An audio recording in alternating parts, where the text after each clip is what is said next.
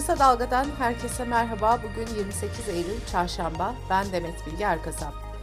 Gündemin öne çıkan gelişmelerinden derleyerek hazırladığımız Kısa Dalga Bülten başlıyor. Cumhurbaşkanı Recep Tayyip Erdoğan genişletilmiş il başkanları toplantısına katıldı. Mersin polis evine önceki gün düzenlenen saldırıyı hatırlatan Erdoğan, CHP ve HDP'ye yüklendi. Erdoğan şu ifadeleri kullandı. Teröristlerin hangisinin izini takip ederseniz edin, ucu ya HDP ya CHP'nin gazeteci, siyasetçi diye sahip çıktığı kesimlere çıkar ya da Batı ülkelerine çıkar. Erdoğan ekonomi konusunda da yılbaşından sonra ekonomideki rakamları, istikrarı, ekonomideki güçlenerek yürümeyi hep birlikte göreceğiz değerlendirmesinde bulundu. Edirne cezaevinde tutuklu bulunan eski HDP eş genel başkanı Selahattin Demirtaş da Mersin'deki saldırıyı sosyal medya hesabından yaptığı açıklamayla kınadı. Demirtaş şöyle dedi. Siyasetin sorumluluğu şiddet dışı çözümlerde ısrarcı olmaktır. Ölümleri durdurmaktır. Şiddetin her türlüsüne karşı çıkacağız. Demokratik siyasette ısrarcı olacağız. Bunun herkes tarafından net olarak bilinmesini isterim.'' İngiltere Dışişleri Bakanlığı vatandaşlarını Türkiye yapacakları seyahatler konusunda uyardı. Bakanlıktan yapılan duyuruda İngiltere vatandaşları Suriye sınırına 10 kilometre mesafedeki bölgelere ve zorun olmadıkça Şırnak ve Hakkari'ye gitmemeleri konusunda uyarıldı. Türkiye Tabiatını Koruma Derneği Bilim Danışmanı Erol Kesici, Salda Gölü kıyılarında beyaz kumullardaki kararmaların arttığına dikkat çekti ve bunun çok tehlikeli olduğu uyarısında bulundu. Yaptıkları son araştırmalarda kıyılardaki siyahlaşmaların yanı sıra kıyı ve su içerisinde kirlilikten kaynaklanan salyalaşmaların da göl için büyük tehlike oluşturduğunu anlatan Doktor Kesici, bölgede yapılaşmaya izin verilmemesi gerektiğini vurguladı. Ticaret Bakanı Mehmet Muş, Mersin'de 86.245 şişe kaçak alkollü içki ele geçirildiğini açıkladı. Muş, bunun son yılların en büyük alkollü içki operasyonu olduğunu da belirtti. Sağlık Bakanlığı, CHP'nin eski Trabzon milletvekili Haluk Pekşen'in ölümüyle ilgili ihmal iddiaları üzerine soruşturma başlattı.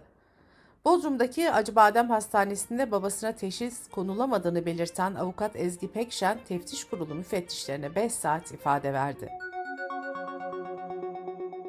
Sağlık Bakanı Fahrettin Koca koronavirüs vakalarına ilişkin artış uyarısında bulundu. Bakan Koca, Avrupa'da vaka sayıları yeniden artmaya başladı. Bu durumun bize yansıması genellikle 3-4 hafta sonra oluyor. Bizde de vaka sayılarında artış olabilir dedi. Bakan Koca, ileri yaştaki herkesin hatırlatma dozu aşılarını da olmasını istedi. İstanbul Pendik'te Sri Lanka İstanbul Fahri Başkonsolosluğu tabelası bulunan bir daire mahkeme kararıyla tahliye edilmişti.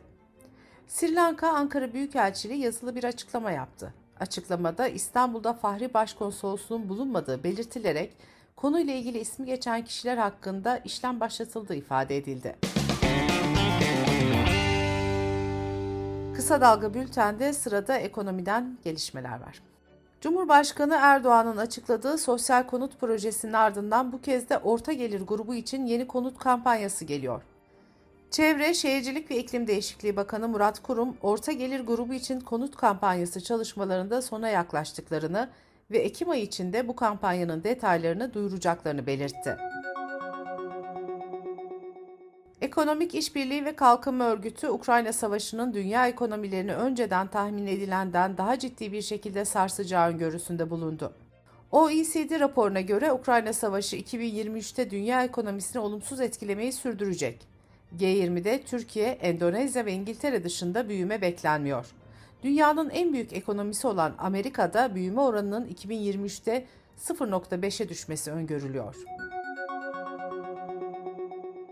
Merkez Bankası'nın politika faizini 100 bas puan indirerek %12'ye düşürmesi ve yüksek faiz ortamıyla güçlenen doların etkisiyle Türk lirasında hızlanan kayıp durdurulamıyor.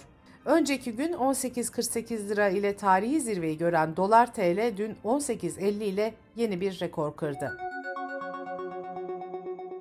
Çalışma ve Sosyal Güvenlik Bakanı Vedat Bilgin, emeklilikte yaşa takılanlarla ilgili çalışmayı tamamladıklarını belirtti. Bilgin şu açıklamayı yaptı. Çalışmamız son aşamasında tamamladık diyebilirim. Aralık ayında bir basın toplantısıyla etraflıca kamuoyuyla paylaşacağız. Çalışmamız teknik olarak da bitti, Cumhurbaşkanımıza sunacağız. Orman Genel Müdürlüğü kısa aralıklarla yaptığı dikili ağaç satışını Isparta, Çanakkale ve Kütahya orman bölgelerindeki satış ilanlarıyla sürdürüyor.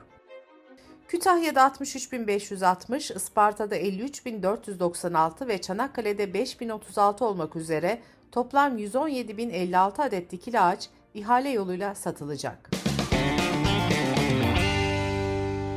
Dış politika ve dünyadan gelişmelerle kısa dalga bültene devam ediyoruz. Rusya Güvenlik Konseyi Başkan Yardımcısı ve Rusya'nın eski devlet başkanı Medvedev, Ukrayna ve Batı'ya yönelik nükleer silah tehdidini yineledi.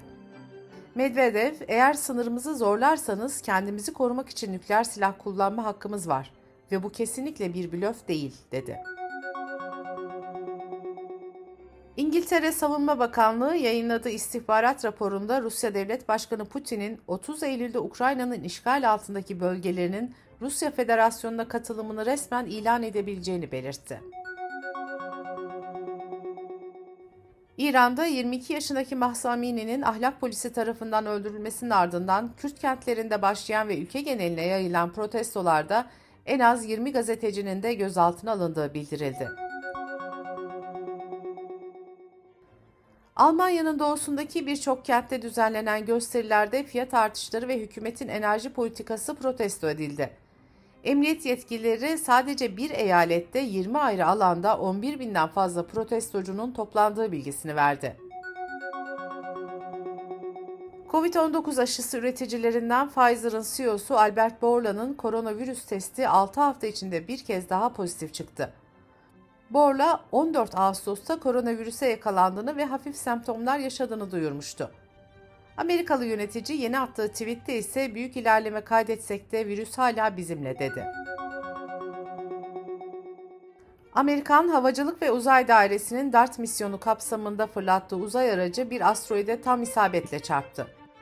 Uzmanlar gökyüzü araştırmaları ve istatiksel analizler sayesinde dünyaya çarpması durumunda tüm yaşamı yok edebilecek asteroidlerin %95'inin tespit edildiğini ve bunların herhangi bir tehlike oluşturmadığını söylüyor.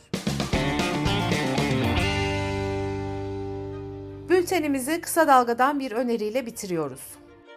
Eşit Haklar İçin İzleme Derneği ve Kısa Dalga İşbirliği'nde hazırlanan Yasaksız Meydan'da Susma platformundan Sonay Ban, kültür ve sanat etkinliklerine getirilen yasaklamaları anlatıyor.